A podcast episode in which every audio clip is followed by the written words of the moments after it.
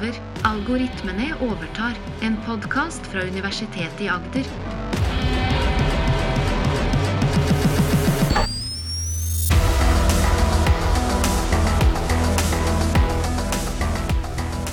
Du hører Maren og Morten snakke om kunstig intelligens. Godt nyttår. Godt nytt år og velkommen til kunstig intelligensens år 2020. Det er det du introduserer med, rett og slett. Jeg håper det i hvert fall. Vi får Ja, det blir spennende å se. Vi pleier jo å ha en sånn nyttårsepisode hvor vi snakker litt om ting som har skjedd og skal skje, og hva vi tror det neste året bringer. Hva du tror, hovedsakelig, da. Ja, for det, kunstig intelligensens år 2024 kommer til å få med seg veldig mange nye innovasjoner innen kunstig intelligens. Selvfølgelig kommer det til å være det. Det kommer til å ikke bare være en liksom litt bedre chat-GPT eller litt bedre Midjourney, men det kommer til å være en helt annen form for kunstig intelligens som kanskje folk ikke ser for seg. Og ikke bare det, men det er ikke bare dette året, 2024, som er kunstig intelligensens år. Jeg tipper de neste fem årene også kommer til å være kunstig intelligensår. Så derfor må vi jo spå ikke bare inn i dette året, men kanskje fem år frem i tid, slik som vi pleier. Ja, vi pleier det, og vi pleier også å ha med oss en gjest. Det stemmer. Har vi, har vi huska det den gangen her? I dag har vi også med oss en gjest. Hallo, ja. Hallo, du. Vil du ta en liten introduksjon eh, av deg selv? Det kan jeg gjøre. Så Mitt navn er jo Per Arne Andersen. Førsteamanuensis på Universitetet i Agder. Og jobber jo med kunstig intelligens og cybersikkerhet, så er òg veldig viktig nå. Kanskje vi får noe, noe AI i det òg etter hvert, så det blir jo spennende å se. Veldig bra. Og så når vi sier at vi skal si litt om hva vi tror kommer til å skje, så er jo dette veldig kvalifisert gjetning, vil jeg si, fra dere to. Så eh, nå eh, er jeg litt i røret, veldig spent på, på hva som kommer. Men først, Morten, må vi se litt på hva vi har, spådd tidligere. Og Ja, og- har noe av det inntruffet. Nettopp. Om vi, om vi tør det, da. Det er jo alltid sånn eh, Det er veldig lett å spå om fremtiden, for det er ingen som kan sjekke det før fremtiden kommer. Og der var jo ikke Per Arne med på de forrige spådommene. Vi har jo spådd helt siden 2020, så jeg tenkte kanskje vi kunne gå raskt gjennom noen av de tidligere spådommene vi har gjort. Og så har vi alltid, vi har alltid hatt sånne korttids- og langtidsspådommer. Og det har blitt ganske mange spådommer etter hvert, så vi kan gå litt kjapt gjennom noen, men kanskje si en uh, check eller no check. Gikk denne inn, eller gikk denne ikke inn? Høres bra ut. Har du en magefølelse? Hvor godt, god har spådommene mine vært tidligere, Maren? Hva tenker du? Generelt syns jeg jo du eh, pleier å være ganske god på disse kvalifiserte gjetningene. Ja, vi får se. Eh, men noen ting har kanskje vært litt over eh, det, det, Kanskje mer eh, hva, hva du har hatt lyst til og håpt. Ja, ja, det har vært negative spådommer òg, da. Vi har spådd Ja, krig og sant. nedenom og Ja, det hjem og terrorisme og sånt, så det har åpenbart ikke håpet på. Det er helt sant. Det er sant. La oss, la oss gå gjennom, så kan vi få Per Arne til å kommentere på noen av disse her. Hva, om, om de er innafor eller ikke. For det er jo ikke et eksakt vitenskap her. Er dette skjedd eller ikke skjedd? Ikke? For det er kanskje litt øye som ser. Få høre. I 2020 så spådde eh, vi bl.a. at vi kom til å få selvkjørende biler som gikk raskere enn fartsgrensen. Og grunnen var jo da at selvkjørende biler er på vei inn, og så var det ideen da at eh, de, de må kjøre fortere enn enn fartsgrensen, for det, det gjør alle andre biler. Men det virker litt kontraintuitivt, for hvis noe skal følge reglene, så må det være de selvkjørende bilene. Hva tenker du, på, Arne? Ja, Treff. nei, jeg sy- syns jo Har, du sett noen, noen selvkjørende biler som kjører over fartsgrensa til nå? Jeg, jeg, så- jeg så en sånn ruterbuss en gang, og den kjørte eh, veldig sakte oppover Karl Johan, eller i hvert fall i nærheten av Oslo sentrum et sted. Ja. På Aker Brygge var det. Og det var ja, jeg skal si sånn 20-25 km i timen. Jeg gikk i hvert fall litt raskt forbi. Eller jogget litt raskt forbi. Ja. Så det er vel kanskje ikke treff. Nei, den bomma kanskje litt. Okay. Og det er, kan vi jo være glad for, kan vi ikke det? Ja, ja jeg, jeg kunne jo tenkt meg selvkjørende biler overalt, da. Og hvis, hvis, det, er, hvis det er sånn at eh, sikkerhetsmessig er mening å kjøre raskere, så er det fint. Men, jeg, men hvis det skaper trafikkproblemer, så ønsker jeg ikke det. Altså, Mm. Jeg var ute og kjørte i snøværet. Nå er det snøvær her på Agder. Eh, og den, da skulle jeg gjerne hatt en selvkjørende bil, for det var vanskelig å kjøre ut. Jeg måtte snu etter en, bare noen kilometer. Mange timers kjøring. For det, for det, men da skulle jeg være selvkjørende. Så det var én ting. Ja, det skulle du forholde til nå. Mm. En, en annen spådom vi hadde, var datadelingskultur. Altså at det, det, det var i hvert fall en periode hvor vi hadde veldig mye e- eierskap til sin egen data. Eh, og eh, er det sånn at vi deler data mellom oss nå? Ja. Ja, syns du, syns du ja? Eh, jeg tenker Både og, sier jeg. Det er fremdeles veldig mange som eier sin egen data. Men det er, vi har jo sett eh, eierskap til eh, sin private data, men det er, jo, det er også mange åpne dataressurser osv. Vi har en sånn storting av den Stortinget hadde en datadeling som ressurs. En Stortingsmelding som handler litt om hvordan den norske offentligheten skal dele data mellom seg osv. Mm. Men at vi har løst det der, at det er en offentlig datadeling sånn som vi deler på skatt, f.eks. Det er det ikke. Men vi ser det kommer mer og mer, og industrien er jo mer med sånn å dele ting sånn åpent. da. Kartverket, for eksempel, har jo et godt eksempel på mye data Ja. som vi får tilgang til. da. Mm. Er dette generelt eh, bare positivt? At det blir mer delingskultur? Eller kan det ha negative konsekvenser òg? Ja, det, det, kan definitivt være det. Så, så eh, fordi det kan være data som man ikke ønsker å dele, typisk persondata eller noen annen sånn type data, som man kanskje sier at ups, nå delte jeg eh, data om deg som du har gitt fra til dette firmaet, til et helt annet firma. Og oi, nå plutselig delte jeg det til forsikringsselskapet ditt fordi jeg eier et helsefirma, og så får litt dyrere forsikring. ikke sant?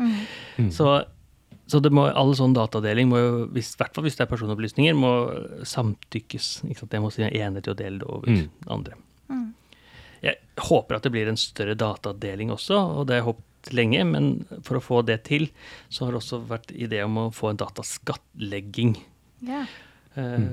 Der har jeg heller ikke sett noen uh, skatt på data. Ikke sant? Vi snakker om at data er en, ikke bare en olje eller gull, men det er som en valuta. Og valutaer som er på vei, de må også skattlegges. Sånn at uh, vi kan få, få tilgang til den i vårt sosialdemokratiske Norge. ikke sant? Når Tesla samler så mye data, så må vi andre også få lov å høste litt av det, er tanken med dataskatt. Det har ikke skjedd. Første helautomatiske nyhetsprogram for oss som spådde i 2020. Det kom ikke i løpet av 2020, skal sies, men det har jeg sett reklame for for ikke så lenge siden. Ja, det ja? Eh, nyhets, nyhetsprogrammer hvor personen er generert med diffusjonsmodeller, forskjellig kunstig intelligens, og teksten er også generert med GPT. Eh, så jeg minner om at det var litt sånn statisk og litt sånn kjedelig å se på de 20-25 sekundene jeg så på, men eh, at det var et nyhetsprogram, stemmer nok. Men var det da ekte nyheter, eller var det noe som var dikta opp? Ja, det var ekte nyheter. Akkurat detaljene rundt hvor det var bygd opp, vet jeg ikke, men de høstet jo fra andre steder. Da. De søker på NRK eller BBC eller sånt og presenterer de på en ny måte. Så helautomatiske nyhetsprogram tror jeg vi traff litt på. Da kan vi si check på den. Ja. Da da noterer vi at vi også treffer på noe, Maren. Ikke sant? Ja, ja, ja. Det er godt. Da, så det var det vi spådde i 2020, noen av de i hvert fall. Og så i 2021 spådde vi at kunstig intelligens får nobelprisen. Altså ikke fredsprisen kanskje, men kanskje i medisin eller noe sånt. Det har vel ikke helt skjedd det heller. Det er veldig mye kunstig intelligens i medisin og andre steder. At de har fått nobelpris, tror jeg ikke eh, har skjedd helt ennå. Men du tror det kommer til å skje snart? Jeg, jeg, jeg tror ikke det er helt umulig. Jeg tror ikke, jeg tror ikke det er sånn at uh, Berit Reiss-Betral er det hun heter. Ja, de, Nobelkomiteen kommer og sier ja, nå har vi gitt den til eh, algoritmen dette. Det tror jeg ikke. Men jeg tror det er Nei. mer sånn at uh, her er det ja, en kunstig er kjempesentral i en sånn uh, type uh, Et eller annet forskningsresultat som er så bra at det er nobelprisverdig. Ikke sant? Ja. Og det er masse eksempler på kunstig intelligens som har gjort forskningsarbeid, og spesielt innen medisin. Finne nye proteiner og alt sånt. Så, så, men helt nobelpris er det ikke ennå. Gjennombrudd i det som kalles semi-supervised learning eh, er jo ja, det er i hvert fall, Hva tenker du, Per Arne? Jeg, jeg syns jo det har eh, truffet egentlig ganske bra. Den, det har jo blitt uh, Iallfall den type læring er jo den som har blitt mer og mer sentral nå i disse store uh, GPT-modellene vi har. Så, jeg, så jeg, jeg, tror- jeg syns jo den har truffet, egentlig, med, med at det har blitt viktigere, da. Jeg er helt enig med deg. Det er jo sentralt i ChatGPT, og disse andre er jo noen semi-supervised learning. Så hvis ikke det hadde vært hvis vi ikke hadde hatt noe semi-supervised learning, altså en blanding mellom overvåket og ikke overvåket læring, så hadde vi heller ikke hatt ChatGPT. Nei. Så det tror jeg Skal vi si en treff på den? Jeg Ja, synes det. fullt treff. Ja. den. Og så kommer det et par treff til. Hva sier du? Her var det et par jeg, I all beskjedenhet innertier. Eh, kunstig intelligens-drevet utviklingsverktøy à la autocomplete kommer inn. Hva sier du? Bruker du det noen gang, Per Arne? Ja, jeg bruker det egentlig hele veien. Så Det gjør alle utviklere også. ikke sant? GitHub Copilot. For eksempel. ja. Ja, for vi må ta en liten sånn autocomplete. Ja, det er at man, Hvis jeg skriver en, en, en tekst eller en kode, så fortsetter kunstig intelligensen på den og skriver koden for meg. Ja. Så hjelp med programmering, med koding. Ja, Ja. og det, det er jo nesten blitt standard nå. ikke sant? GitHub Copilot er en sånn type chat-GPT bare for programvareutviklere. Ja, da har vi treff på den. Ja. Eh, at 2021 så tenkte vi også at en gang i fremtiden så kommer det humor i kunstig intelligens. Og Og med det så la vi i, i at eh, kunstig intelligens f.eks. kunne lage en vits. ja. Ja. Jeg har lest mange vitser på, skrevet av ChatGPT. Det, det er jo til og med det som er konfirmasjonstalen nå for tiden. ikke sant? Skrive en morsom eh, Mm. konfirmasjonstale. Så ikke bare er det blitt humor i kunstig intelligens, men det er blitt det folk bruker den til, blant annet. da. Mhm. Så den syns jeg eh, traff. Der kan vi si treff. Og så, Da hadde vi noen spådommer på 2021, så noen av de traff i hvert fall. Og så innen vi kom til 2023, i mellomtiden da, så var jo GPT3 akkurat blitt eh, lansert. Så det var som helt i stormen av Vi har akkurat kommet en ny versjon eh, 3.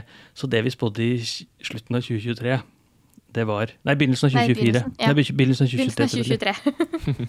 Det er mange årstall her. Men begynnelsen av 2023. At i løpet av 2023 så kommer GPT4 til det ble lansert. Og det var kanskje ikke den villeste spådommen, men, men, men det var litt Det var ikke så åpenbart som det virker i nå i ettertid. Dette er jo en treff, ikke sant. For det fantes jo bare én GPT den gangen. Og at den kunne bli noe bedre enn så fantastisk som den var i slutten av eh, fjoråret og begynnelsen av eh, slutten av, I eh, begynnelsen av 2023. Ja. Ja. For et Så- år siden. For et år siden, ja. Ja. Det var ikke helt åpenbart, det. Men det ble den. Absolutt. Og GPT4 er veldig mye bedre enn GPT3. Mm. Så jeg setter Jeg, jeg noterer treff, jeg. Jeg Så, noterer har, du statistikk på hvor mange treff og hvor mange bom det er, uh, Maren? Nei, jeg har ikke det. Jeg har ikke telt. Okay. Vi får spørre. Det er sånne ting vi kan spørre GPT om, ikke sant? For det vi spådde riktig. Ja. Ja. Så er bra. Lurt. Tale- og videogenerering blir enormt mye bedre. Eh, vi hadde jo da eh, i hvert fall eh, bildegenerering som var ganske godt for et år siden. Men eksempel så klarte de ikke å te lage hender, for der lagde de alltid fire fingre eller seks fingre eller åtte fingre. Mm. Ikke det at det ikke fins mennesker med det, men det vanligste er fem. ikke sant? Eller hvis du skal ta et bilde av en ku, så hadde den plutselig åtte bein, for det var, det var utfordringen vi hadde for et år siden. Nå er det jo et helt annet nivå på disse. Tenk så fort det har gått. Tenk så raskt det har gått, ja. I, I starten av 2023 så kunne vi jo lage veldig små videoer med bare noe helt sånn rart eh, resultat. Mens på slutten så fikk vi jo enormt god kvalitet på disse videoene. Så i løpet av 2023 så har det jo gått fra å være bitte små videosnutter på to sekunder til over minuttet. Så da sier vi treff her og så gjør vi ikke det? Ja. Så kommer det en som er kanskje ikke fullt så mye. Eh, stort gjennombrudd innen AI og robotikk. Og tanken var da at vi får litt mer sånn forsterkningslæring, altså sånn som man bruker til å spille sjakk og sånt, mm, inn i den fysiske robotverden. Og da, hva tenker du, Per Arne? Har du sett noen eksempler på det? Jeg har egentlig ikke sett sånn store gjennombrudd med det. Jeg har liksom sett eh, Boston Dynamics og sånn Jobber jo med det, men det går jo gradvis. Og det har ikke vært et stort gjennombrudd som jeg eh, kommer på. Helt enig med det. Stort gjennombrudd har det ikke vært. Eh, i, I går, som da blir 4. januar for oss, det kommer det sikkert noen dager før denne podkasten kommer ut, men da lanserte eh, DeepMind en ny eh, hjemmerobotforskning, som, hvordan hvor de da lager egg og eh, koker kaffe og, og er litt sånt. Altså en, en vei, vei framover med robotikk og kunstig intelligens. Eh, Stort gjennombrudd er det ikke, for dette er en eh, iterativ prosess. Altså det blir liksom gradvis litt bedre. Så spådommen handlet mer om at det sånn som det var et stort gjennombrudd med språkmodeller med ChatGPT, sånn kom det et stort gjennombrudd med, med roboter også. Det tror jeg ikke har skjedd. Søkemotorer vil bruke eh, mye mer kunstig intelligens, slik at det blir bedre til å søke. Eh, jeg, det har i hvert fall blitt eh, mye mer sentralt i én søkemotor, Bing, Bing. er eh, gjennomstyrt av eh, kunstig intelligens. Så det var det ikke for et år siden. Da var det Bing noe som aldri folk hadde hørt om. Nå er det plutselig en del av eh, kommet seg opp på banen igjen fordi kunstig intelligens har kommet inn der. Store språkmodeller. Ja, kommer det til å ta igjen eh, Google, eller det skal vi kanskje snakke litt om seinere? Eh, Ja, vi kan bare si det nå. Jeg, tror, det, jeg tror det er vanskelig å ta inn Google på søk. Eh, Mm. Det kan godt hende det er mye som skjer på språkmodellverden fremover også, i våre spådommer. Mm. Jeg tror at det er en stund før vi binger istedenfor å google, selv om Ja. den har blitt veldig kunstig. Neste spådom vi hadde for et år siden, om fjoråret, eh, det var store protester mot økende kunstig intelligens. Har, vi, har det vært noen protester? Vi hadde litt sånn læreropprør og sånt for et år siden. Mm. Eh, og siden den gang så har det vært litt mer, da. Blant annet en streik i Hollywood Mm. eh, for bruk av eh, kunstig intelligens. Okay. Eh, og det, det som skjedde der, var at eh, man har brukt kunstig intelligens til å eh, lage nye eh, skript til eh, filmer og til radioshow, og man bruker vitsene til kjente komikere osv. Og, og de blir selvfølgelig sure, for de får ikke betalt for det. Og så ber man da GPT4 fortelle vitsene som Ricky, Ricky Gervais eller hvem som helst annet. Og da var det en streik i Hollywood som sa at eh, hvis du bruker mine data, så skal jeg også få betalt for det. Og de ble enige i et settlement, eh, som det heter, eh, hvor det bl.a. står at alle skuespillere skal være mennesker i all fremtid. Mm. Og det er jo fantastisk at vi har kommet til en tid hvor man må bli en, hvor fagforeningen finner ut at det skal være mennesker som jobber i Hollywood her, og ikke roboter. Mm. Den tiden har vi altså kommet til. At det var store protester mot økende bruk av kunstig intelligens, syns jeg vi kan si er en treff. Ja, det vil jeg si, da. Så Da har vi gått gjennom de korttidsspådommene, og så kommer vi da til disse langtidsspådommene, eh, som vi da ennå ikke har truffet. da. Så eh, eh, i 2020 så spådde vi da fram til 2025, og det er fremdeles ikke 2025, så fremdeles kan jo noen av disse treffe enda da, men selv om de ikke har truffet enda. Så da har vi spådommer fra før i tiden, som er om fremtiden, inkludert nåtiden. Og Mm. i 2020 så spådde vi at Turing-testen ville blitt bestått innen 2025. Turing-testen er eh, eh, velkjent i kunstig intelligens-verden, og våre lyttere vet godt hva det er. Har den blitt bestått, Per Arne? Hva tenker du? Nei, den har ikke blitt bestått ennå. Og det blir jo spennende å se om uh, Jeg, jeg tror ikke den, men uh, vi får se. Den er, den er blitt mye nærmere, vil jeg Mm. si. ikke sant? Det er sikkert enig i det, tenker jeg. Men Ja. jeg er helt enig i det. Vi, når vi snakker med GPT, så er det fremdeles Vet vi at det er en GPT som sitter bak. Mm. Men hadde vi visst det alltid? Iblant så kan man jo få et svar som eh, kan eh, Hvis man ikke hadde visst at man skrev til GPT, hadde Det blitt eh, trodd at det var et menneske som satt der? Mm. Jeg, jeg, jeg tror du har helt rett. Altså. Jeg tror det, det handler litt om hvordan man tolker denne testen. For man kan tolke det sånn at vi sier det, er en eller annen som ringer, eh, eller en som tekster meg, og så svarer jeg. Mm. Og da kan det jo være en robot som har sendt meg en tekstmelding. ikke sant? Eh, eller man kan tolke testen som at jeg går virkelig inn for å skjønne er dette et menneske eller er en robot, og jeg klarer Ja. ikke å se forskjell på det. Eh, hvis man tolker det på den siste måten, så vil jeg si at den absolutt ikke er bestått. For hvis jeg går inn for å skjønne om den jeg snakker med, så kan jeg si sånne ting som nå snør det mye ute, og hva syns du om det, eller hva syns du om været i går, eller noen ting da som gjør at man bommer litt på. Eh, Men det er blitt vanskelig, da. Så det er, jeg tror det var i Sør-Korea hvor de hadde eh, kanskje det var 10 000 sånne automatiserte roboter i et spillmiljø. Og den viste seg at det var veldig veldig få som skjønte at dette ikke var et ekte menneske. Det var en Ja. robot. Men da ble de jo lurt, da. Ikke sant? Eller du får disse robotstemmene som ringer deg og sier at eh, jeg er fra Microsoft, eller enda verre, jeg er kidnappa av noen. Ikke sant? Og da blir man også lurt. Sånn sett kan man jo si at den har bestått. Jeg tror svaret egentlig er at den er, den er ikke så formelt og så godt definert. Altså Vi kan si liksom akkurat nå er den innafor, akkurat nå er den utenfor. Så vi kan si liksom eh, Så vi lever litt i grenseland på den, egentlig. Ja, kanskje vi kan si det. Men vi tror ikke vi, vi, tror ikke vi setter treff ennå. Men vi er fremdeles, det er to år igjen, da. Så kan klare. Eh, Ja, er, det, teknologibegrensning er det frem til 2025, eller er det til og med 2025? Ja, riktig. Ja, det var et godt spørsmål. Eh, hvis vi, nei, det må, kanskje det er frem til 2025, for da har vi spådd okay. fem år frem i tid. ikke sant? Ja, Ja. da er vi ett år. Ja. Og det er ett år igjen, da. Ok, Mm. sant. Det gir oss litt mindre tid, da. Men ja. Så, eh, teknologibegrensende lovgivning à la skjermbruk eh, for skjermbruk og røyking. Ikke sant? Altså, vi får ikke lov å røyke overalt eh, fordi det er skadelig. Skjermbruk og kunstig skal kan også være skadelig. Vi har vel strengt tatt ikke fått noe lovgivning på det. Det kan godt hende det kommer, men vi får lov å bruke så mye kunstig intelligens vi bare vil. Mm. Det er jo ingen lovgivning, men jeg har sett, spesielt i skoler så har de jo begynt med, med forbud, bl.a. mot mobiler og litt sånne ting mer strengt. Ja, nettopp. så det, det er jo på en måte en, en retning, da, på Ja. hvor det kan mm. Helt enig. Helautonom krig, eh, hvor at kunstig intelligens drev krigføring. Det er nok av krigere, i hvert fall. Eh, så du var veldig skeptisk husker jeg, da vi begynte å spå at det kom til å komme kriger, Morgen. Men eh, det har kommet, dessverre. Og at de er høyteknologiske, i hvert fall til en viss grad. Det er autonome droner både på Gazastripen og andre steder. Dessverre.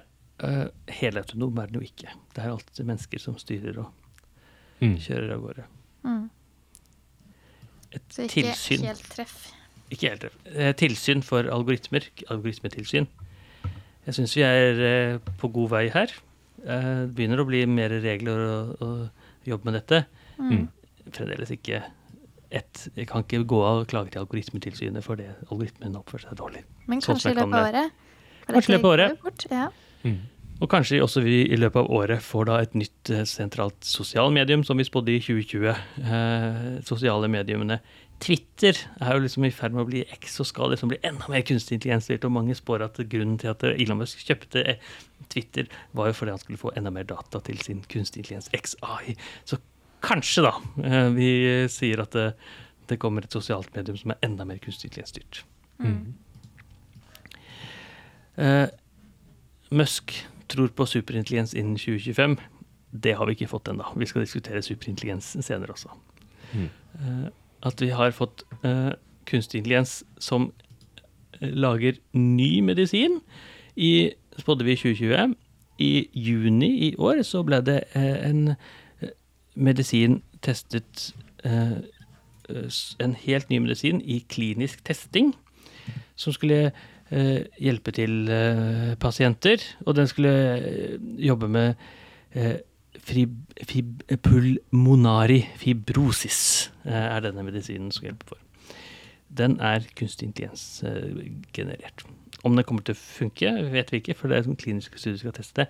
Men at det er kommet en medisin som har med kunstig intelligens eh, som er laget av kunstig intelligens, er i hvert fall allerede check. Mm. Så bra. Så Da det er bra. vi, da var vi gjennom eh, spådommene fra 2020 til 2025. Ja. Og så har vi da hopp, hoppet over noen her, og nå går vi til spådommene i 2023, som vil skje i løpet av 20, Eller innen 2028, da. Altså hvis vi kommer til 2028, så skal dette ha skjedd, da. Altså dette spådde vi i fjor, og det kom til å skje eh, innen 2028. Eh, cyberkrig har vi allerede snakket om. Det kommer, Vi fortsatte å spå det. Selvkjørende biler en del av arbeidslivet, altså. For vanlige folk som bruker bilene som en del av jobben, så vil det være en selvkjørende bil som styrer det. For eh, den Jeg savner fremdeles en selvkjørende bil, i hvert fall her utenfor Arendal. Vi tror også innen 2028 blir det tomt for data for å trene de store språkmodellene. Ikke helt tomt for data enda, skulle jeg tro. Selvskrevne bøker eh, skrevet av kunstig intelligens. Eh, Vi har ikke sett en, eh, ikke en Vi har sett noen barnebøker som er kunstig intelligens-styrte. Noe mer enn det har vi ikke sett ennå. Så har vi to til før vi går og begynner å spå om fremtiden. Og de morsomste spådommene handler jo om fremtiden. Eh, eksamen slik vi kjenner den, vil forsvinne. Eh, tre spådommer igjen er det, forresten, ikke to. Mm. Har du fremdeles eksamen på universitetet, Per Arne? Ja, vi har jo fortsatt det med studentene, da, så, og det blir jo i større grad mer og mer utfordrende da, Ja. for nettopp dette her. Men vi, vi må fremdeles både skrive eksamen og rette eksamen, og studenten må fremdeles ta eksamen. Ok, Så det er fremdeles eksamen på universitetet. Ja, det er fortsatt det. Ja, da har vi det. Da tar vi fremdeles ikke treff på den. Jeg tror ikke det var så mange treff på eh, det ennå, men det er jo en femårsspådom, så vi skal ha, ha god tid ennå. Mm. Eh, vi kommer til å få muligheten til å få kunstig intelligens rett inn i hjernen, var en spådom jeg hadde i fjor. à la Nuralink, inspirert fra den. Vi, det er noen kliniske tester nå på Nuralink. At vi kan Mm. begynne, For et år siden så var det jo bare i hermetegn på aper og griser. Nå skal det testes på mennesker. Jeg kan fremdeles ikke kjøpe det i butikken. Bestille det. Så vidt jeg kjenner. Og siste spådommen fram til 2028 var at nanoroboter vil eh, få kunstig intelligens.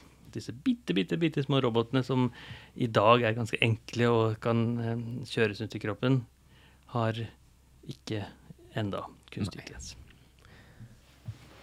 Men nå er vi spent på hva som skjer fremover. For nå har vi jo snakka en del om hva som har skjedd, og hvilke spådommer som har inntruffet og ikke har inntruffet. Hva vi må vente litt mer med. Men hva skjer i løpet av 2024? Ja, i løpet av 2024. For nå kan vi virkelig spekulere, ikke sant? for nå kan ingen kvalitetssjekke oss utenom oss selv da, i begynnelsen av 2025. Ikke sant? Nei. Så Så nå kan vi, vi, komme på mye nytt. Ja. vi kan jo ta annenhver spådom per Arne, f.eks. Så hvis Ja.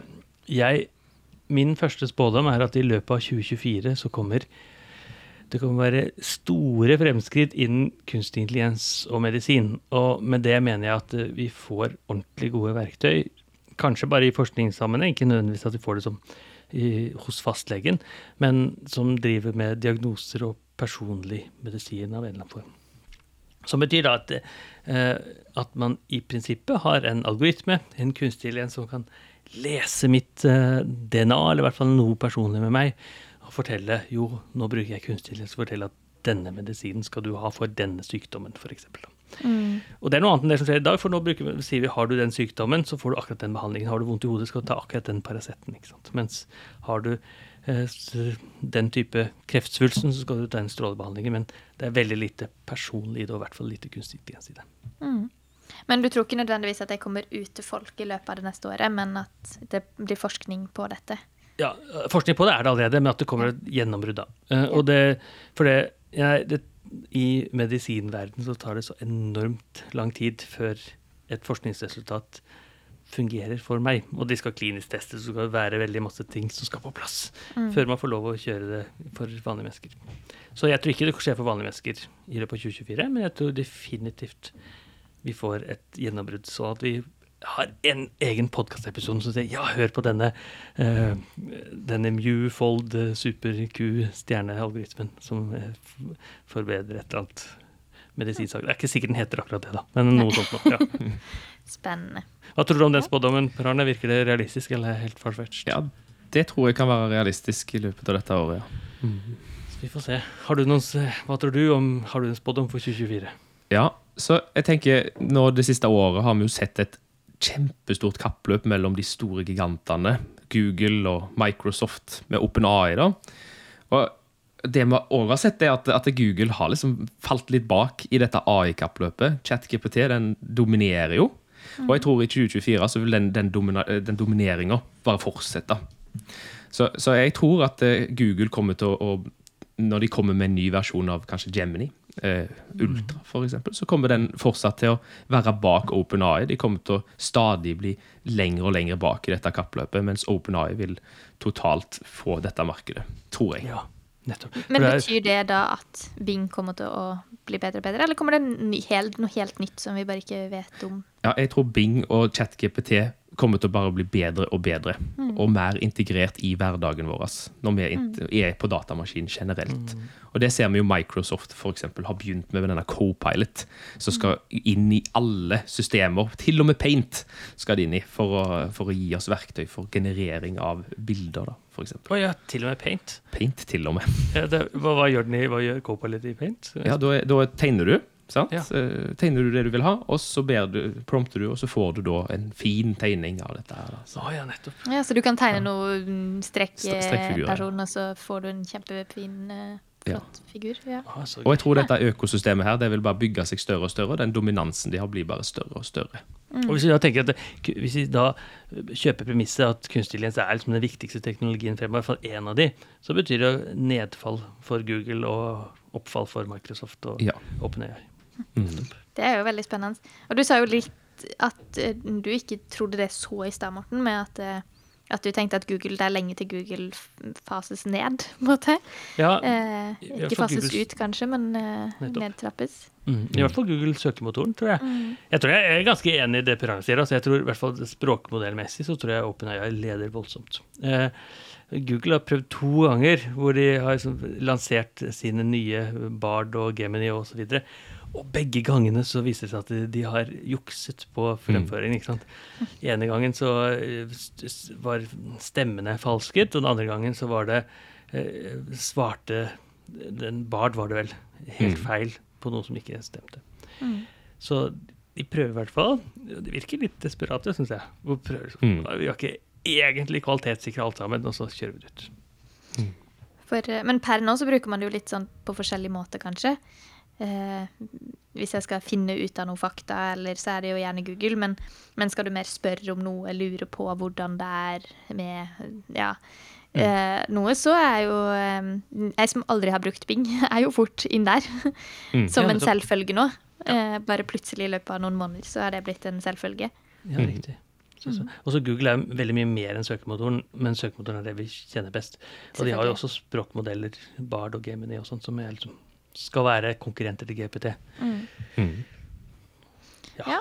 Så det er Yes. en, Har du eh, noen flere, Morten? jeg har eh, mange. Vi spår bare ett år frem i tid fremdeles. Yes. Jeg, jeg tror at i løpet av 2024 så kommer spredningen av dype forfalskningsvideoer, deepfake, eller bilder, lyd, til å få virkelig store og alvorlige konsekvenser. Så vi har sett eh, masse eksempler på kanskje litt morsom deepfake. ikke sant? Donald Trump oppfører seg rart, og se her, liksom. Eh, men det har vel egentlig, så vidt meg bekjent, ikke fått noen ordentlig store konsekvenser ennå. Eh, og det jeg tenker på som konsekvens, kan være at man f.eks. Eh, lager en falskt bilde av et opprør, av vi lager falskt bilde av en kriminell som ikke er kriminell. Kanskje ser vi en som er ute og En politiker som er ute og gjør et eller annet som ikke fins, ikke var sant. Det er deepfake som da får f.eks. en politiker i Norge til å miste jobben fordi han, han eller hun har gjort et eller annet som da han eller hun ikke har gjort pga. deepfake. Vi får håpe at den ikke slår til, men eh, ja. Absolutt. Eh, Jeg tror deepfake er et så fantastisk fungerende teknologi til positive og negative ting at den kommer til å bli brukt negativt. Ja, ja. Mhm. Definitivt. Har du noen eh, flere spådommer, Per Arne? Ja da, det har jeg. Så GPT5 Nå har vi jo brukt GPT4 lenge, sett hvor bra den er. Og liksom hoppe fra 3.5 til 4. Men jeg tror vi får en GPT5 som blir trent, altså at den i løpet av 2024 blir trent. Og at det for noen valgte så vil den bli tilgjengelig for betatesting. da, at eh, de kan få lov å prøve. Så jeg tror ikke meg og deg kan nødvendigvis ah, Kanskje vi, da, siden vi, vi forsker på dette, får muligheten. Men veldig få vil få muligheten. Um, men det som vil være nytt med denne GPT5, tror jeg, er at den vil være mye mer nøyaktig på det den sier, og hallusineringer vil bli mye mindre, om ikke helt borte. Så at de Altså har med det som så mener du de tingene som den bare finner på? ja, det er det en finner på, ja. Ja. Så at vi kan kanskje begynne å, hvis vi vil, begynne å stole på det som kommer ut. Oi. Ja, Ja. Ja, for det, OpenAI har, eller Sam Altman sa jo en gang, sjefen av OpenAI, at det ikke kom en ny eh, versjon av GPT. Altså Mm. versjon 5. Men, men det har jo kommet GPT Turbo, liksom, hva man kaller det. kaller man det. Så jeg, jeg, for meg så er det helt åpenbart at de forsker på å lage enda flere modeller. Ja. Om de kaller den 5 eller, eller super eller ekstra eller eh, unlimited eller hva de kaller det for noe. Det er ikke så farlig, men at det kommer en ny versjon. Mm. Og så har jeg hvor- opplevd det at han, eh, han Altman da, han er, veldig, han er veldig god på PR. Så at han kanskje demper ned GPT5 før det plutselig Der kom han! Og så, så er det ute. Så, Ja, det som er mm. trikset. Jeg tror det er trikset. Plutselig så fikk han sparken, og så plutselig var han tilbake. Så jeg vet ikke. Men hvorfor tror du at eh, den ikke blir tilgjengelig for alle i løpet av 2024? Jeg, jeg tror fortsatt så vil eh, datakraften som trengs, den vil være veldig mye mer enn fire. Så vi, de vil få kostnadsproblemer med den fem-versjonen. Så, så det har vi jo òg sett på GPT 3.5 mot 4, at den 3.5-en er jo kjempekjapp, mens 4 bruker litt tid på å skrive. Og 5 vil nok bruke betraktelig lengre tid fram til de har løst dette eh, dataproblemet, da, egentlig, det med ressursproblemet. Så det er det som er utfordringa. Ja. Spennende spådom. Ja. Dette treffer veldig Det er veldig nesten kopi av min spådom. For jeg, den neste min er at det kommer til å være mindre hallusinerende kunstig intelligens. Altså kunstig intelligens som, som er mer riktig på fakta. Eh, Faktasjekker, Men kan kanskje. det oppgraderes allerede i fireren, eller må vi ha en ny versjon for at det skal bli løst? I, I fireren, eller i alle språkmodeller egentlig, så er det sånn at det, det, det ligger an til at den hallusinerer, og det den gjør i Bing f.eks., når den faktasjekker, er at den kjører på en sjekk etterpå. Du genererer noe tekst, og så kvalitetssjekker den etterpå. Så det går allerede. Men, men den er fremdeles hallusinerende. Det er litt som hvis du eh, hører noen fortelle, og så forteller du det videre, men bare det som er sant. Ikke sant? Det er forskjell på det hvis jeg bare snakker sant. Litt sånn. Så jeg tror at man får en løsning som gjør at den hallusineringen forsvinner, og at den hallusineringen egentlig har en, er en sånn konsekvens av at den ikke er trent nok, kanskje. Liksom ikke trent med nok data, eller med riktig data, eller liksom, den er ikke godt nok trent. Sånn, Spennende. Ja. Kanskje det er litt det samme. Eh, du har, vel, har du noen flere sånn GPT-språkspådommer, Per Arne? Ja, så jeg tror jo òg at eh, disse her eh, modellene, språkmodellene, sånn GPT-variantene, kommer til å bli tilgjengelig på mobiltelefonen uten internett. Så det, altså, det jeg sier, er egentlig at eh, maskinvaren på mobilen din vil være sterk nok. Oi. Og, og de har lagd de effektive nok, noen av de små modellene, til å kunne kjøre på mobilen. Eh, Men de vil ikke være så gode som GPT4 og 5. eh, Men de vil være kanskje i, området 3-5-versjonen. Den, den dårligste gratisversjonen. Det tror jeg vil være mulig eh, i større grad. Og den vil kan, kunne gjøre noen spesifikke oppgaver eh, på mobilen for deg. da. Mm. Har du noe, har du noe eh, eksempel på hva slags type oppgaver du ser for deg?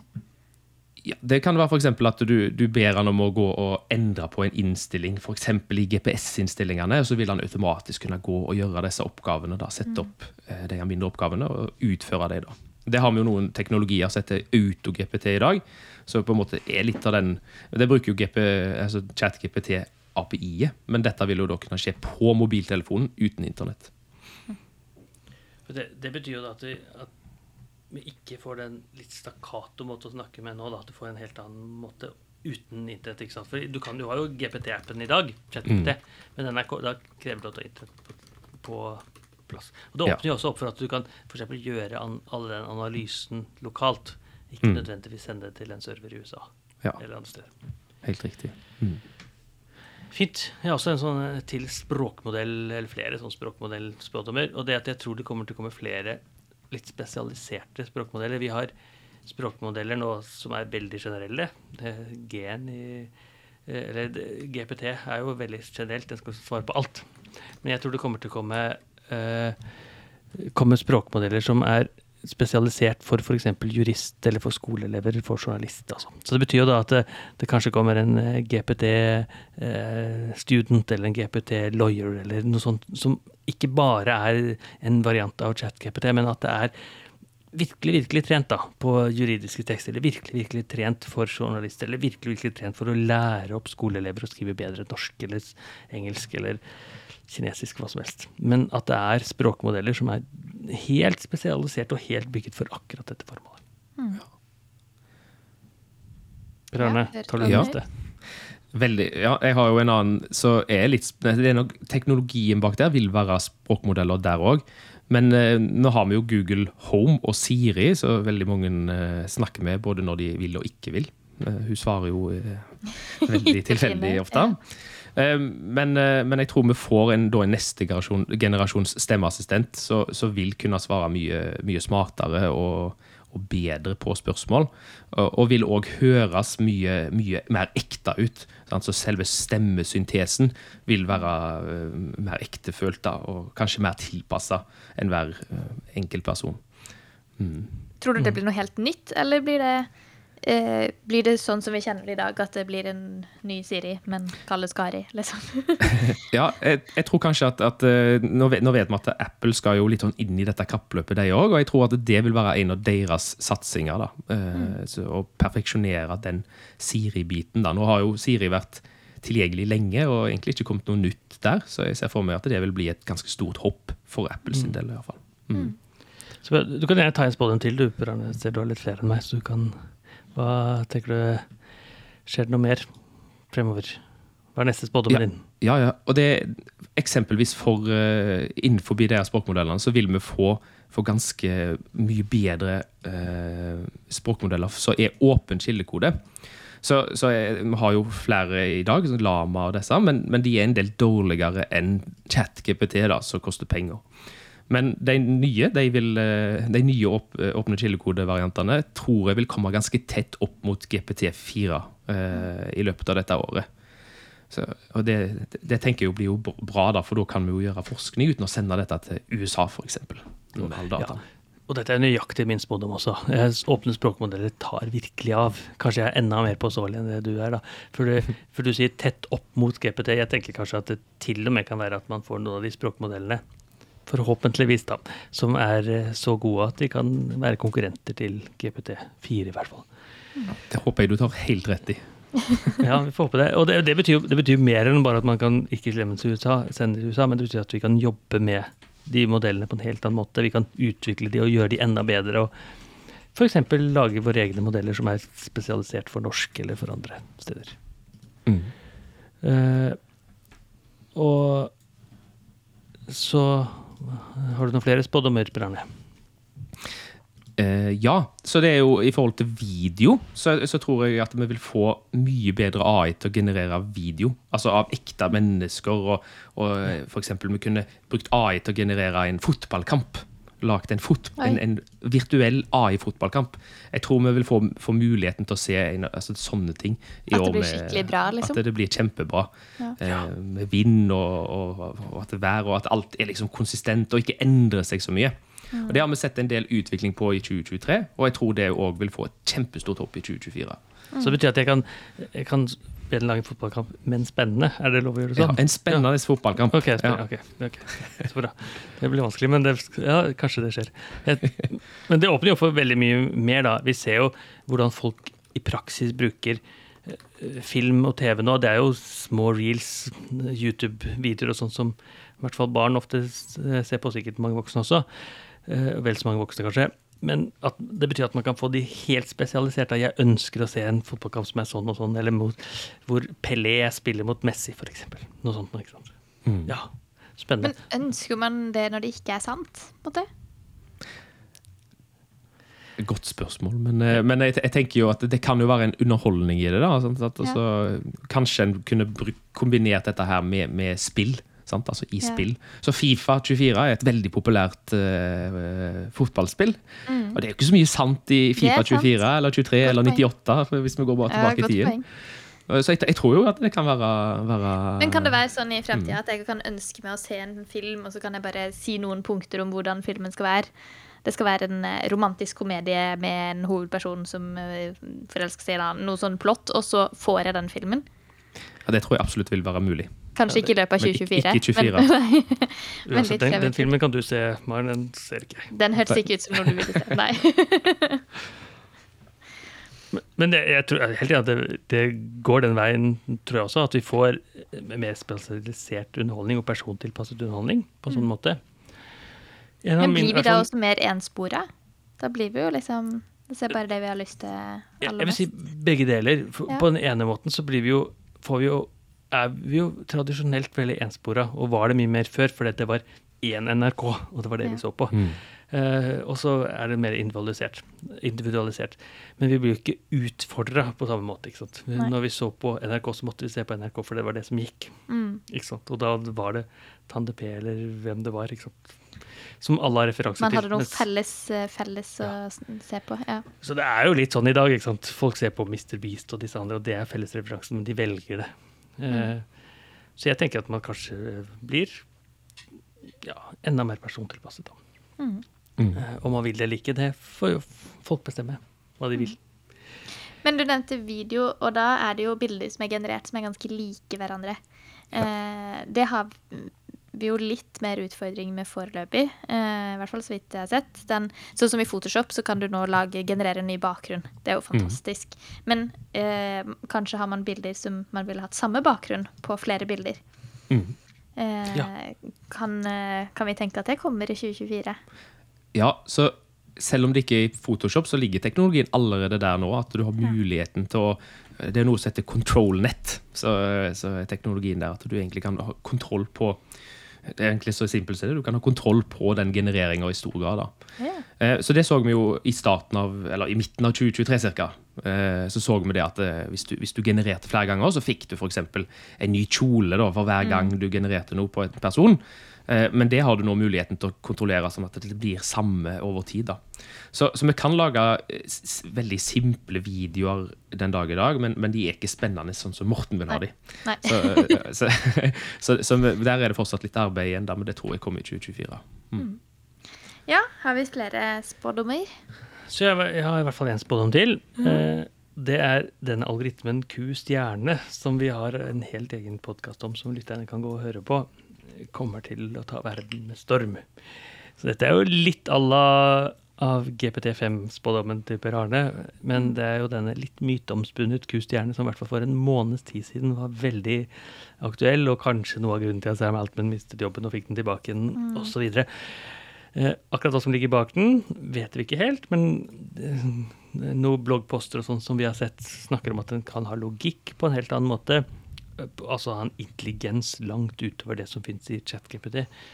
Og min spådom er at i løpet av 2024 kommer den til å bli lansert, tilgjengelig, og Mm. det kommer til å gå et gisp gjennom både forskningsverdenen og resten av kunstig intelligens-verden når de ser eh, hvor god denne Q-stjerne faktisk er. Spennende. Mm. Hvordan tro tror du eh, hvermannsen vil eh, få bruk for den, eller kunne ta den i bruk? Jeg tror det kommer til å ta en liten tid før hvermannsen skjønner hvilken intelligens som ligger bak den. Ja. så hvis det, det vi tror skjer med Q-stjerne, faktisk skjer, da, nå vet vi ikke det, men hvis det skjer, så tror jeg det kommer til å Og den har like god logikk som vi, som vi tenker, eller i hvert fall det som bloggposten og sånn forteller, så tror jeg det er vanskelig for folk å skjønne hvilken intelligens som faktisk ligger bak der. For det er så avanserte spørsmål man må stille før man egentlig får gode svar. Mm. Så ok, man kan si å, jeg er imponert over at den gjør et matteoppgave som, ikke- som ikke var mulig i ChatGPT 4. Men det er ikke poenget. Poenget tror jeg er snarere at vi kan få den til å gjøre ganske avanserte oppgaver som er forbeholdt oss mennesker i dag. Sånn som det leger gjør, eller det eh, jurister gjør, eller det gravejournalister gjør. Logiske type oppgaver som vi tenker er som menneskelige tankeprosesser. Spennende. Har du noe tro på Q-stjerne, Ja, men jeg, jeg, jeg tror den kommer til å fungere litt uh, egentlig som at det blir en tostegs AI-modell, der uh, du har egentlig en ChatGPT 4, eller en bedre verden, kanskje GPT5, da, eh, som Ja. jeg snakker om. Men så vil det være en, en veldig smart uh, motor etter det, som vil kunne Ja. hente informasjon inn, riktig informasjon uh, inn da, for, for å gjøre disse spørringene mye bedre. Så egentlig kanskje kan du kalle det en sånn grafdatabase bak. Det er det jeg tror det vil være. Altså, og de bruker eh, det heter Q-star, så jeg tenker liksom alltid litt sånn A-star. At det, det er noe sånn der, de finner informasjon på en lur måte. eh, Kan du, kan du ikke minne meg på hva A-star er for noe? Jo, så A-star er jo hvis du du- La oss si du skal gå til et sted. da. Du har, eh, du har eh, Der du står nå, og så skal du finne et mål. Og da er A-star en dataalgoritme for å finne det korteste veien til det målet ditt. da. Ja, Litt som du bruker i GPS-en, antakeligvis. Ja, he, ja helt riktig. Finn, finn korteste vei. Uh, og informasjon er jo spredd utover ganske store områder, hvis en tenker hele internett. Så jeg, jeg tror det at de vil klare å strukturere all informasjon de nå har samla inn, i en slags grafstruktur. og så tror jeg de vil finne korteste vei til den mest relevante informasjonen, altså det målet. da. Så jeg tror det blir en, en variant av noe i den duren. Noe grafstruktur på dataen som de har lagd. Eh, noe forsterkningslæring for å finne ut hva er det nærmeste målet. Og så er det da selv, selvsagt denne A-staren for, for å gå- bare gå bort til det beste informasjonen tilgjengelig. Det er det jeg tror Q-star omhandler. Ja, for det er jo litt så, navnmessig blanding av Q-learning. som er denne Ja. fin, fin, handlingen, og A-stjerne, som er fin korteste vei. Ja.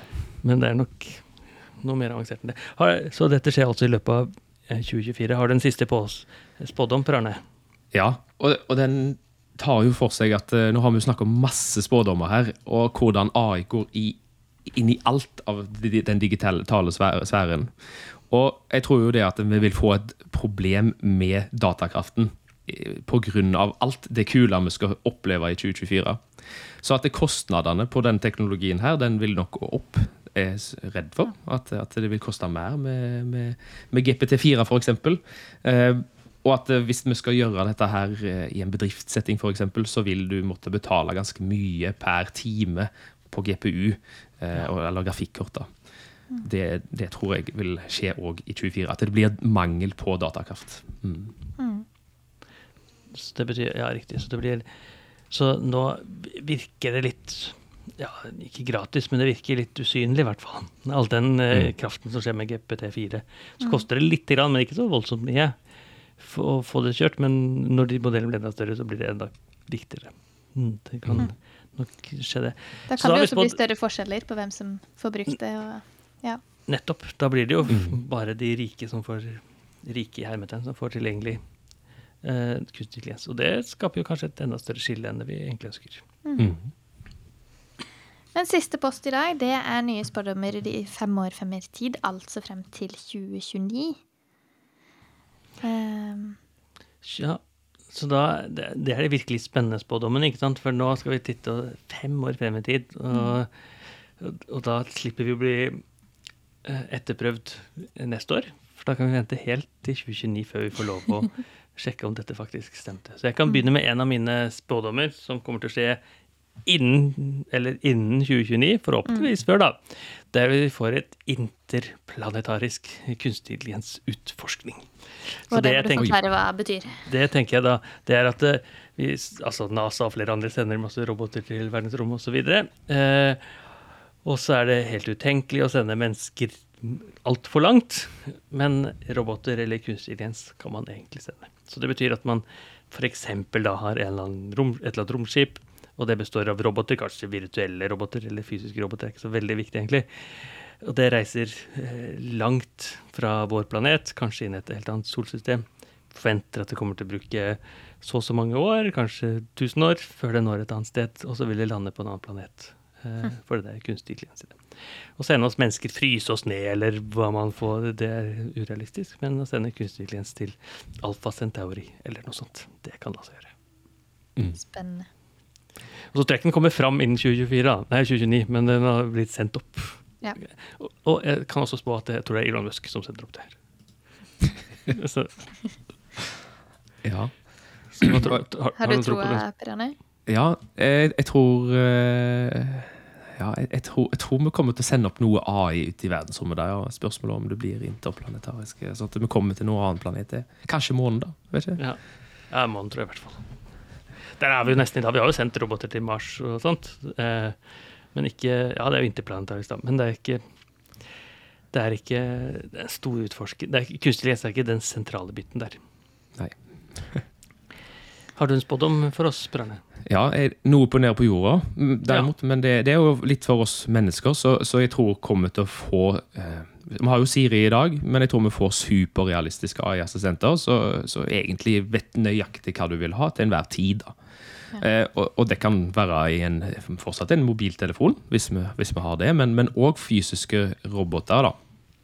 Eh, så, så, og det er jo litt sånn som den her butleren til Google som kan lage mat nå. Jeg tror den òg vil være en, en robot som kan gjøre egentlig alt du vil i huset. Og, og til en, ja, hva du trenger til enhver tid. da. Så Superpersonaliserte AI-roboter. Eh, Nettopp alle den butleren som ble lansert i går, I går, da ja. vi tok opp, tok opp dette her i 50 januar. ja. Så det, Men da er- blir det Tenker du at det da er for alle, eller for eh, en spesiell noen få Ja. som har, eh, har dette innen 2029?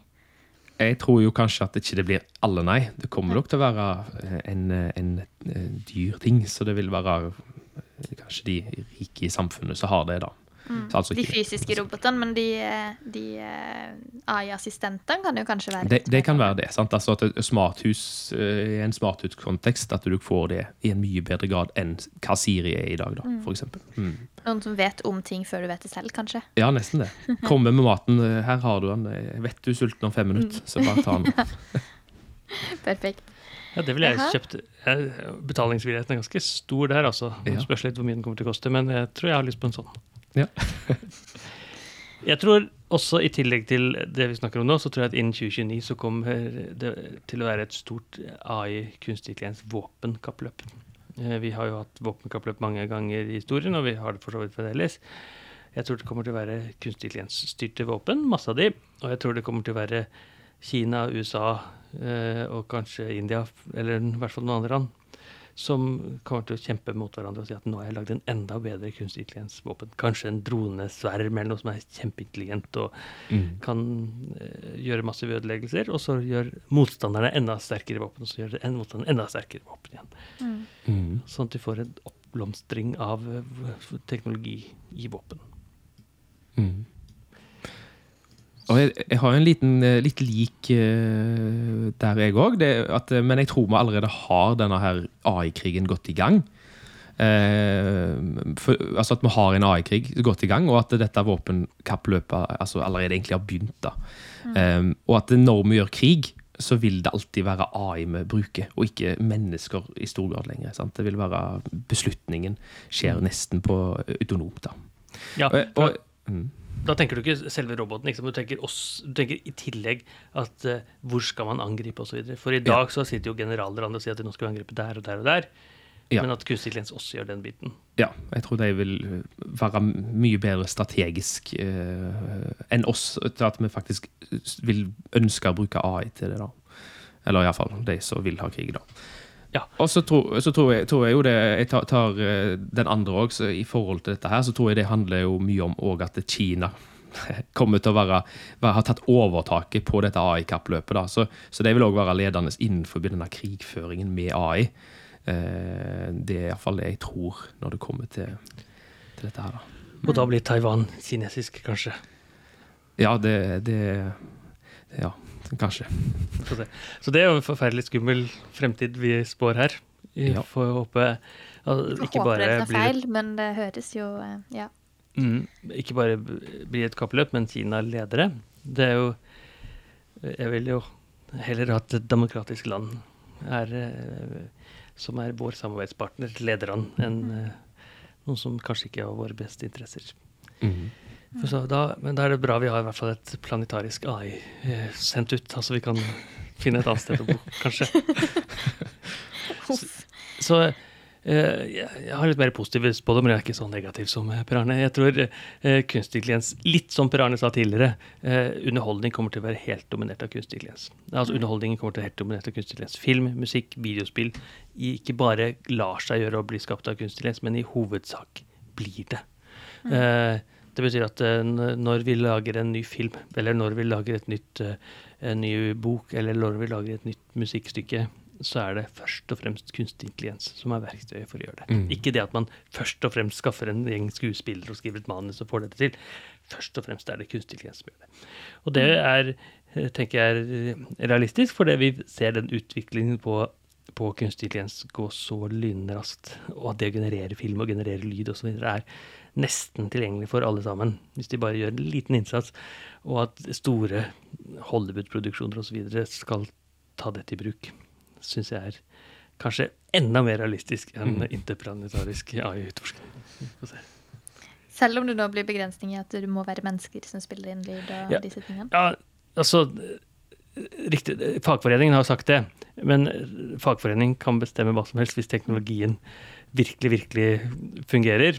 Så spiller det ingen rolle hva de har blitt enige om. Ikke sant? Det er litt som fagforeningene for typografer på 80-tallet var veldig sterke, ikke sant? men datamaskinen kom inn, og det spilte ingen rolle hvilken avtale de hadde, fordi et annet nyhetsbyrå gikk over til å printe med datamaskiner istedenfor å bruke disse typer maskiner. Ikke sant? Og sånn er det litt nå. Så noen andre, andre kommer på markedet. Ja. Ja. Mm. Hvis, ikke, hvis noen fortsatt vil ha disse menneskeskuespillerne, disse gammeldagse menneskeskuespillerne, så kommer det noen andre som genererer dem.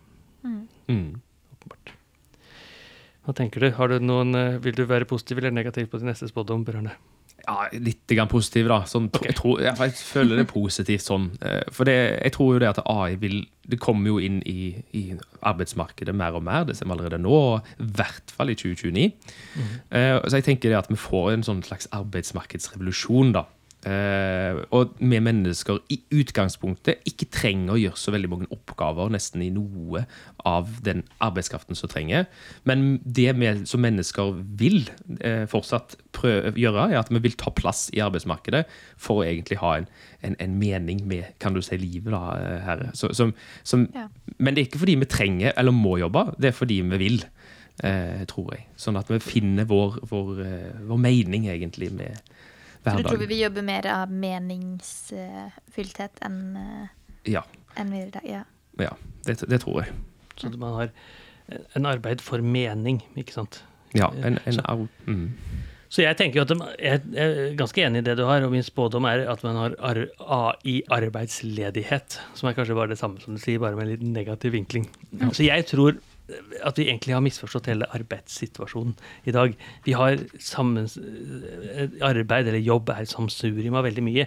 Det er arbeid for penger. ikke sant? Vi må eh, jobbe for å få betalt, for å betale husleie og kjøpe mat og kjøpe nye snøskuffer og sånt. Eh, Og vi, men vi har også, eh, i hvert fall veldig mange av oss, en arbeid for mening. Vi jobber for det. Det gir oss det er morsomt å lage podkaster, og det gir mening å forske, og det er, gi- gir meg noe å undervise og den type ting.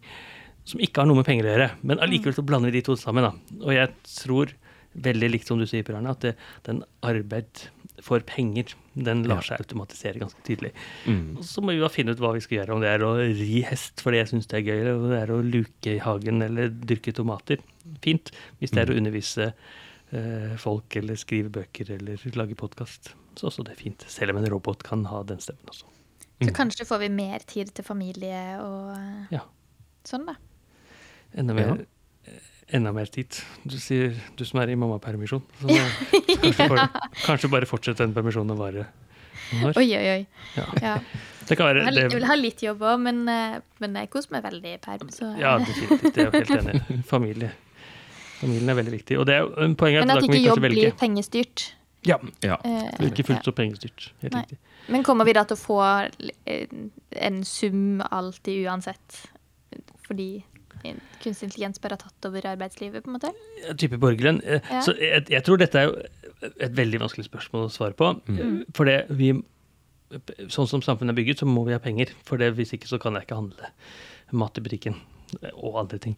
Eh, Så, men vi har jo veldig mange situasjoner i livet hvor vi ikke er pengestyrte, sånn med jobb. Mm. Pensjonisttilværelsen, f.eks. Vi får penger i løpet av fordi vi er pensjonister.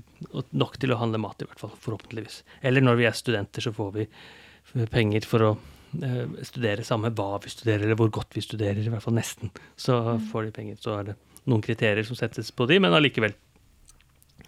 Og det kan hende at vi går i en sånn retning. For det er jo også sånn at eh, de som automatiserer, og de som fjerner jobben med kunstig intelligens, de tjener jo mer penger.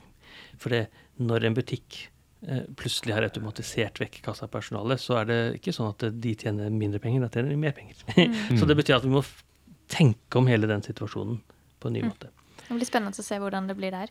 Det blir veldig spennende. eh, Så da Eller om det kommer til å sitte noen rike på toppen av de som da eier butikken, mens de som kunne jobba i den, vil sitte uten noe.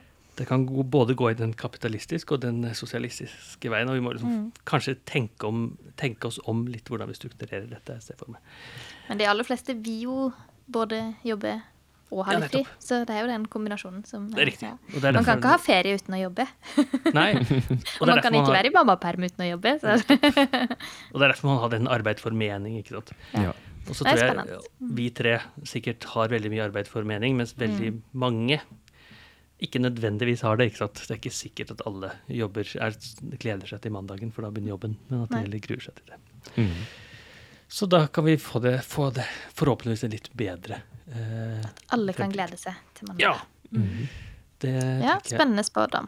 Jeg, jeg, jeg tar en til, jeg, mens jeg er så første gang. Jeg tror ikke bare arbeidsmarkedet endrer seg drastisk innen 2029, men jeg tror utdanningen også gjør det. Jeg tror Mm. utdanning sånn som vi tenker på det nå, hvert fall høyere utdanning, da, sånn som jeg er en del av, eh, kommer til å være helt annerledes. Vi kommer ikke til å sitte og holde forelesninger og eksamener osv. fordi vi vet at det finnes mange mye bedre måter å lære på. Kunstig intelligens kan hjelpe til å styre læringen på en perfekt måte, eller på veldig veldig god måte. Og jeg tror ikke eksamen fins fordi vi vet at kunstig intelligens kan gjøre det. Hvorfor skal vi teste noe som en kunstig intelligens kan gjøre for oss? Mm. Så jeg tror, eh, jeg tror ikke vi vi kommer sikkert til å kalle det universiteter, og vi kommer sikkert til å kalle det høyskoler og kanskje til og med videregående skoler, men jeg tror ikke sånn som vi tenker på det i dag, finnes om fem år.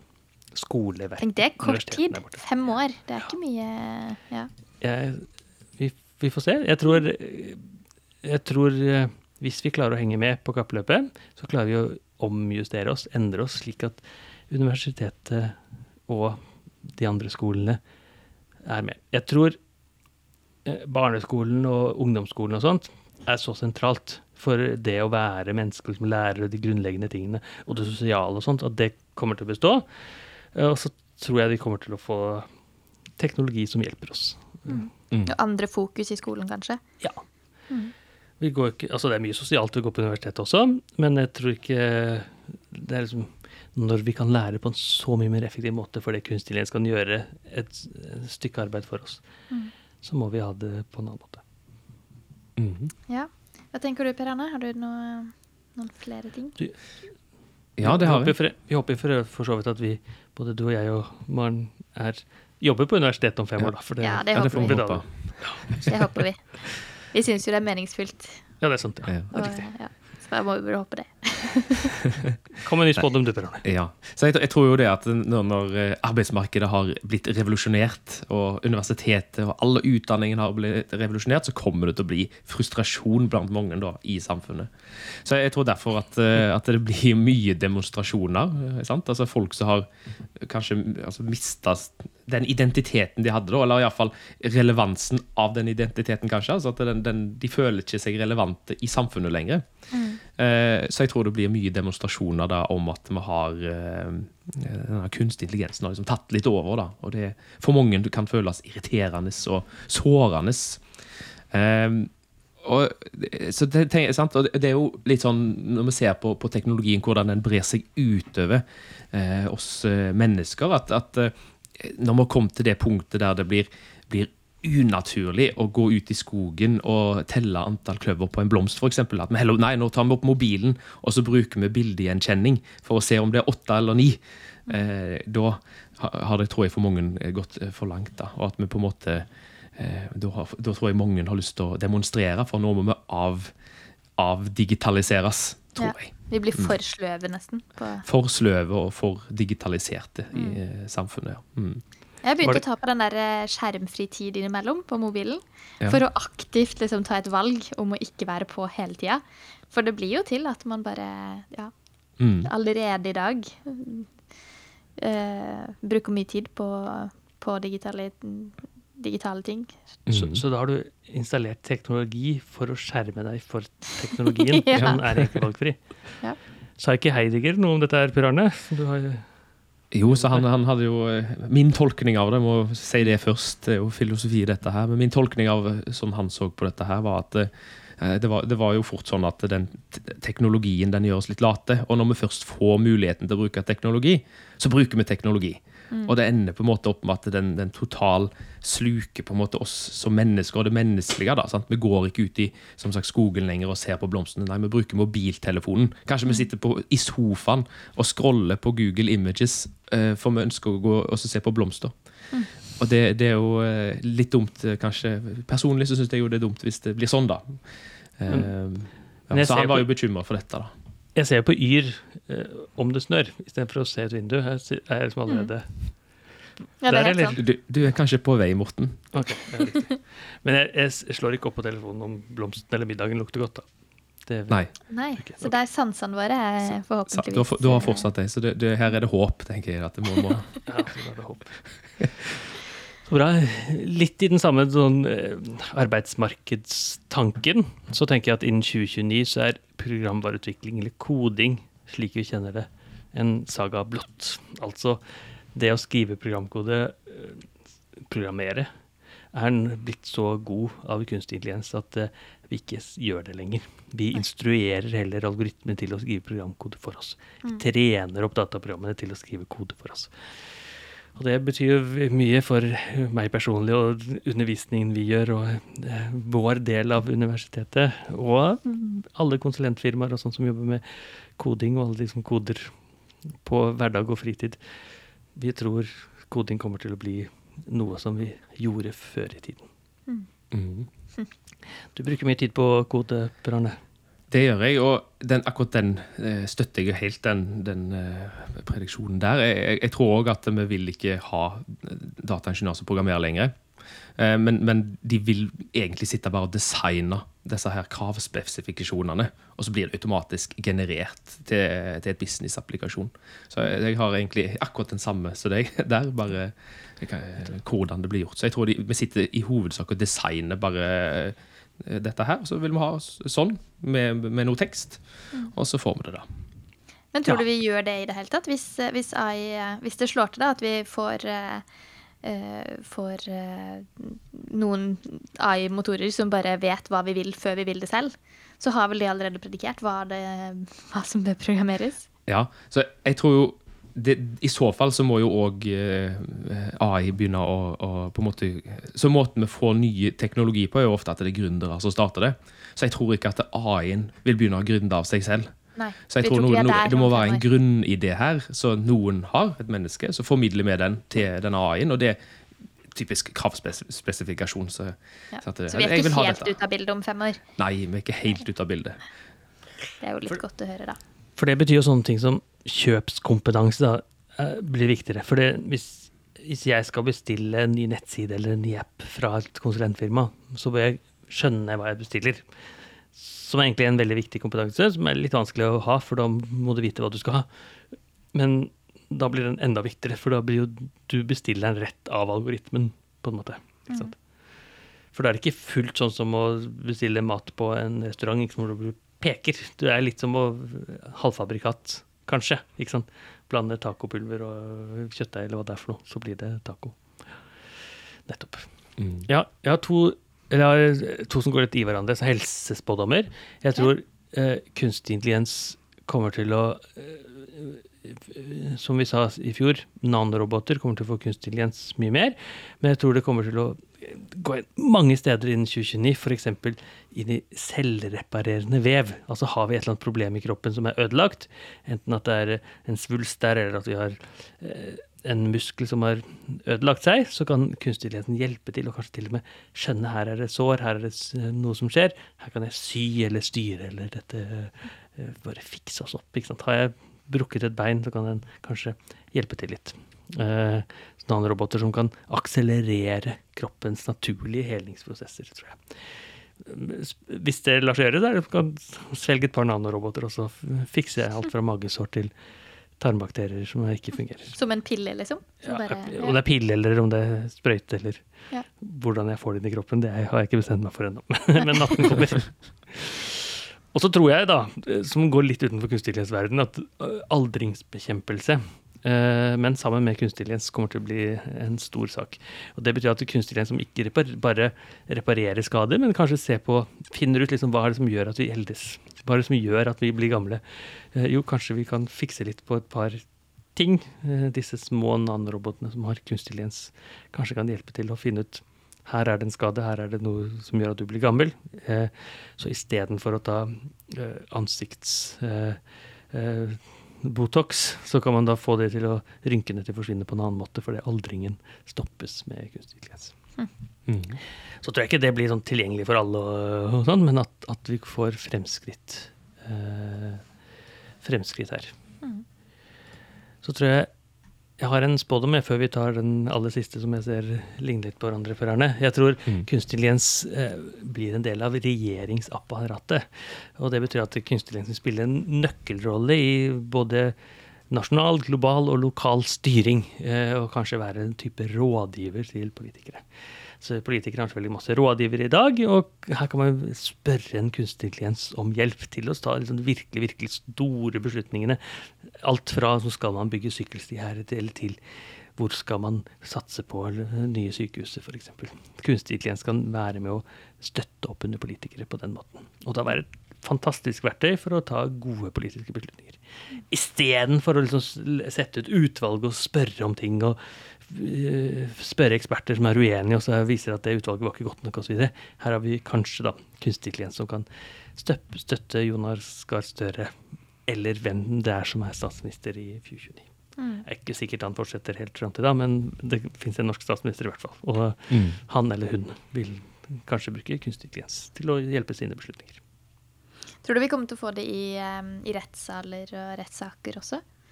Det, det, tror jeg definitivt. Og jeg mm. tror både dommere og, og, advokater kommer til å bruke det, og gjør det allerede. Men de bruker det til å lese saksdokumenter og finne sammenhenger. Jeg tror selve beslutningen kommer ikke til å være en algoritme som gjør. For det, det, det er i hvert fall rettsvesenet vårt og det politiske systemet er bygget opp sånn at vi, at vi ønsker å ha menneskelig kontroll på det. Vi mm. sier at det, jeg dømmer deg for det du har gjort det og det og det. Jeg vil ikke at en algoritme alene skal gjøre det. Mm. Nei, men at det er verktøy. Mm. Det er verktøy. Ja, det er verktøy som hjelper. Ja. Og at de blir så gode. Mm. Ja. OK. Har du en siste, Per Arne? Ja, så, og den handler jo om, om, dette her eh, artificial general intelligence. Så, så, og der er det jo eh, sånn at vi, vi, prøver jo hele veien å, å nå dette her. da, og, og Spådommene går liksom at ja, i 2025 får vi det, i 2026 kan vi få det i hvert fall. Og, mm -hmm. eh, så nå ser vi på 2029, og jeg tror at vi fortsatt ikke i 2029 har fått iallfall det jeg mener er general intelligence. I fall, artificial general intelligence. Men jeg tror vi har fått noe så, som vi kan kalle for Frankenstein AGI. Okay. Så, ja, ja, så, så, det jeg mener med det, er at vi har egentlig satt sammen en rekke med, med kunstig intelligenser. Masse forskjellige som type chat-GPT, 7-8 versjoner. Eh, så er veldig gode på mange oppgaver. Men jeg tror det, når vi får nye oppgaver som er mennesker eh, så helt nye, så at vi mennesker har funnet på nye oppgaver, eh, så vil den ikke klare å lære seg det på en god nok måte. Og, og da egentlig ja, altså da ikke være en, en generell nok eh, AI, da. Mm.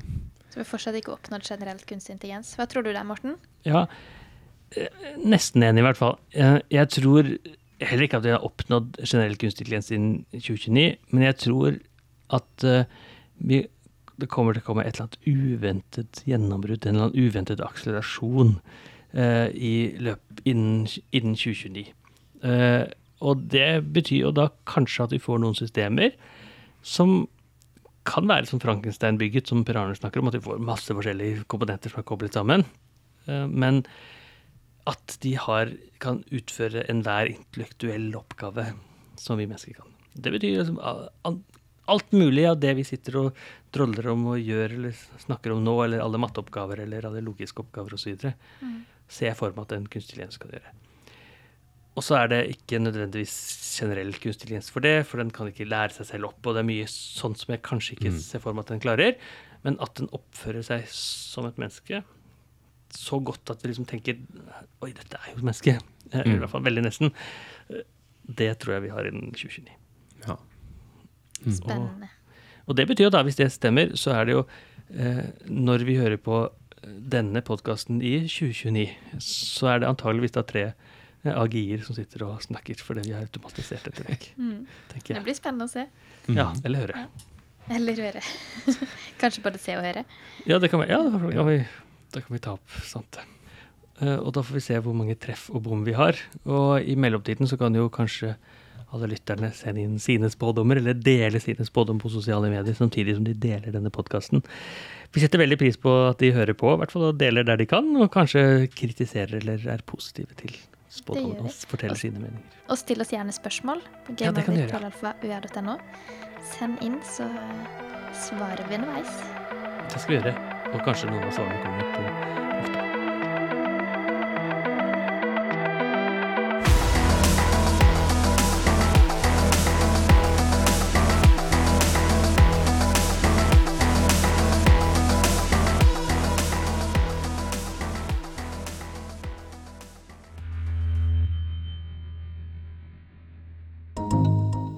Universitetet i Agder.